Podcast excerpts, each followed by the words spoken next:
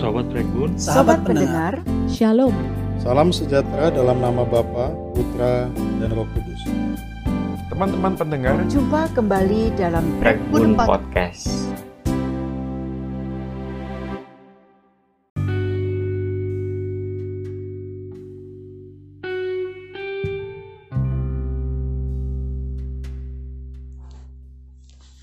Salam sobat pendengar yang setia. Kembali lagi kita akan merenungkan satu bagian kebenaran firman Tuhan untuk menyejukkan jiwa kita. Dan sebelumnya mari kita bersatu di dalam doa. Tuhan, bersyukur buat kasih setiamu yang engkau berikan kepada kami. Jika pada saat ini engkau masih memberikan kami kesempatan untuk bisa hidup. Ini semuanya bukan karena kekuatan, kehebatan kami, melainkan hanya karena semata-mata belas kasihanmu yang kau berikan kepada kami. Tuhan, terima kasih. Dan sebentar juga kami akan merenungkan sebagian dari firman-Mu. Tuhan, tuntun kami agar kebenaran firman-Mu ya Tuhan, kami bisa aplikasikan dalam kehidupan kami. Kami setia dan taat melakukan apa yang Engkau sampaikan kepada kami. Terima kasih Tuhan, kami siap untuk merenungkan firman-Mu. Hanya dalam nama Yesus Kristus kami sudah berdoa dan mengucap syukur. Amin. Sobat pendengar yang setia, kali ini kita akan membahas tentang bertumbuh di dalam Kristus. Pertumbuhan rohani merupakan hal yang diinginkan Tuhan atau hal yang dikehendaki Tuhan di dalam kehidupan kita. Mengapa?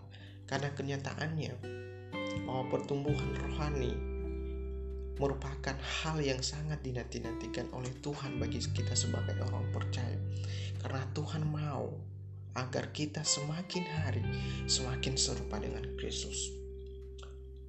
Pertumbuhan itu bagaikan pohon yang hidup, mesti memiliki akar, batang, daun, dan memberi hasil entah buah atau bunga.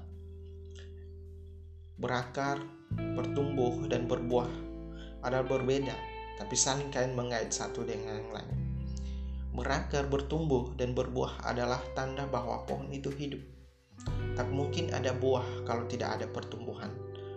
Pertumbuhan itu adalah proses untuk berbuah. Sobat pendengar yang setia, marilah kita membaca firman Tuhan. Mari kita membuka Alkitab kita yang terambil dari Kolose pasal yang kedua, ayat yang ke-6 sampai dengan ayat yang ke-7. Saya akan membacakan di bawah perikop kepenuhan hidup dalam Kristus. Kamu telah menerima Kristus Yesus Tuhan kita. Karena itu, hendaklah hidupmu tetap di dalam Dia.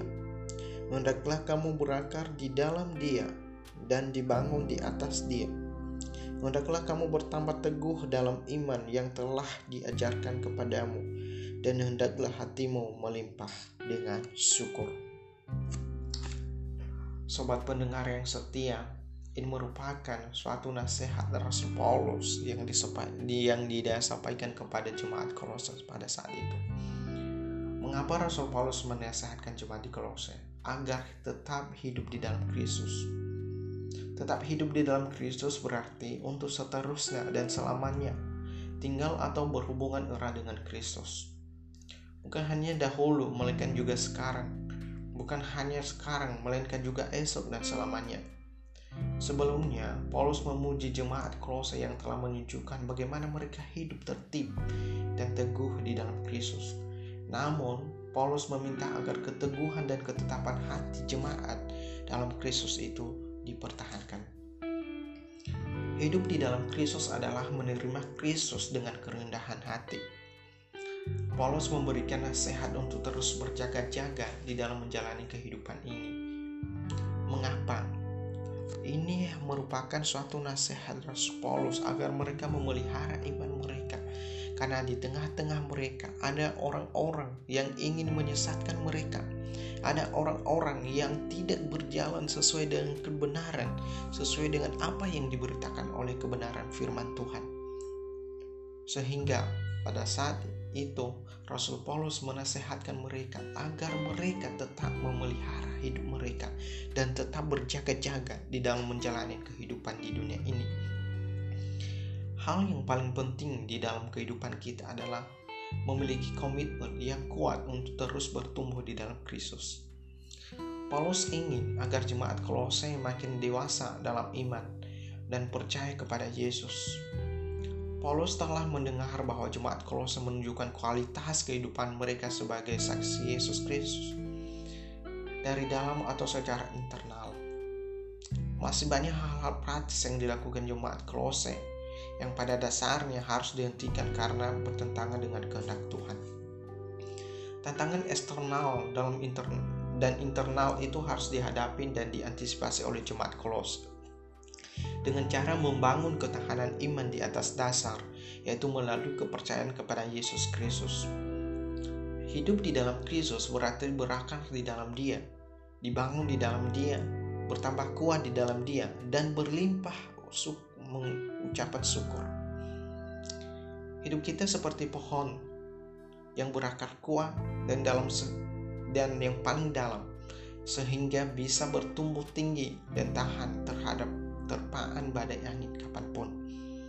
Menerima Kristus hanya tidak hanya sekedar dengan iman yang kosong, melainkan iman itu mengakar menjadi landasan atau fondasi hidup kita Sebab itu, Rasul Paulus, Rasul Rasul Petrus mengatakan iman itu harus ditambah dengan kebajikan, pengetahuan, pengendalian diri, ketekunan dan kesalehan dan kasih.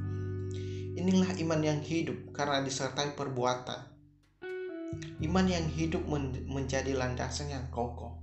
Sebab Kristus yang telah kita terima melalui iman seperti kata Rasul Paulus bahwa hanya Kristus yang menjadi satu-satunya landasan bagi kita. Dan landasan ini merupakan akar dari kehidupan kita. Sehingga bisa dibangun di dalam dia dan bertambah kuat di dalam dia. Sebab Kristus merupakan pola dan pusat hidup orang beriman.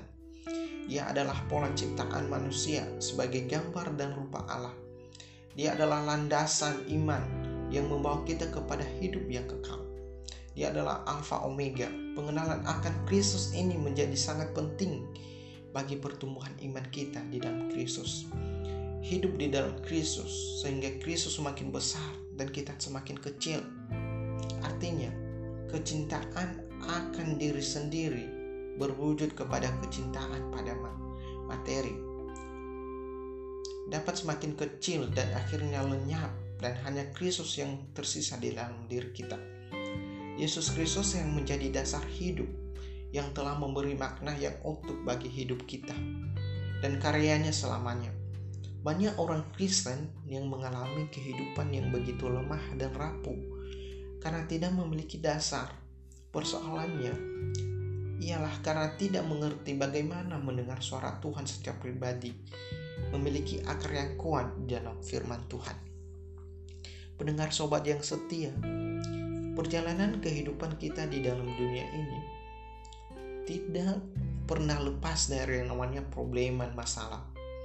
Tetapi apakah kita terlena dengan hal itu? Kita sebagai orang-orang yang telah hidup di dalam Kristus, yang telah menerima Kristus, maka selaganya kita harus benar-benar berakar bertumbuh di dalam Kristus dan kita harus benar-benar melakukan apa yang dikehendaki oleh Tuhan di dalam kehidupan kita. Ketika masalah datang kepada kita, apa yang harus kita lakukan? Yang kita lakukan adalah kita harus menyerahkan seluruh pergumulan kita ke dalam tangan Tuhan. Kita harus menyerahkan seluruh apa masalah kita kepada Tuhan. Biarlah Tuhan yang bertindak di dalam kehidupan kita. Rasul Paulus juga menasihatkan kita di dalam bagian ini agar kita tetap mengucap syukur di dalam segala sesuatu. Ucapkan syukur, mengucap syukur merupakan hal yang sangat-sangat ditekankan oleh Rasul Paulus, yaitu bagaimana kita sebagai orang percaya tetap mengucap syukur di dalam setiap kondisi apa pun yang kita miliki. Jangan sampai kita bersungut-sungut ketika kita mendapatkan sesuatu masalah, malah kita menyalahkan Tuhan. Tidak, tetapi ketika kita mendapatkan suatu masalah, malah di situ kita harus kuat. Mengapa? Karena janji Tuhan kepada kita bukan untuk meniadakan masalah, tetapi untuk menguatkan kita di dalam menghadapi masalah. Jadi ketika kita menghadapi banyak problema, kita tidak perlu bersungut-sungut atau menyalahkan Tuhan dengan masalah yang kita hadapi. Tetapi di dalam masalah yang kita hadapi, kita bersyukur kepada Tuhan karena kita diuji. Bagaimana bagaimana iman kita kepada Tuhan? Apakah benar-benar iman kita itu tertuju kepada Tuhan? Atau iman kita itu hanya sekedar kita ucapkan di mulut saja, tetapi tidak dengan hati yang tulus? ketika masalah datang, kita bisa meninggalkan Tuhan. Tetapi di dalam bagian firman Tuhan ini mengingatkan kita bahwa kita sebagai orang percaya, kita sebagai orang yang telah menerima Kristus, maka hendaklah hidup kita tetap berakar di dalam Kristus, tetap dibangun di atas Kristus dan memelihara ajaran yang telah diberitakan kepada kita dan tetap mengucap syukur dalam segala hal. Apa yang melandasi nasihat ini? yaitu yang melakukan semua ini. Rasul Paulus melakukan semua ini agar kita tetap ada di dalam perlindungan Tuhan, agar kita tetap ada di dalam pemeliharaan. Sehingga orang-orang yang ingin menyesatkan kita, kita tidak akan goyah. Kita tetap berpegang pada kebenaran firman Tuhan, karena kebenaran firman Tuhan itulah yang membawa kita kepada hidup yang kekal. Amin. Mari kita bersatu di dalam doa. Tuhan bersyukur buat kasih setiamu yang kau berikan kepada kami pada saat ini. Terima kasih Tuhan karena telah merenungkan kebenaran firman-Mu dan biarlah kebenaran firman ini ya Tuhan benar-benar bisa bertumbuh di dalam kehidupan kami dan ajarkanlah kami ya Tuhan untuk tetap kami bisa merenungkan kebenaran firman-Mu dan kami dekat dengan Engkau, hidup dengan Engkau sehingga di dalam perjalanan hidup ini ya Tuhan kami berjalan sesuai dengan apa yang Engkau kehendaki di dalam kehidupan kami.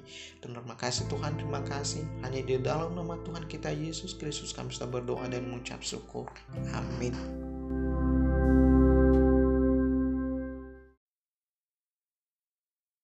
Teman-teman pendengar, terima kasih karena sudah mendengarkan podcast ini. Silakan follow kami di Spotify dan Anchor dan jangan lewatkan kesempatan untuk menjadi berkat dengan membagikan podcast ini. Jangan lupa juga untuk follow akun Instagram @prekbunpodcast untuk mendapatkan update dan juga berdiskusi seputar topik-topik menarik lainnya. Jika teman-teman pendengar mempunyai pertanyaan, saran atau butuh bantuan doa, bisa langsung chat atau DM kami melalui akun Instagram @prekbunpodcast. Sekian segmen kali ini, sampai jumpa di segmen-segmen selanjutnya. Tuhan Yesus memberkati.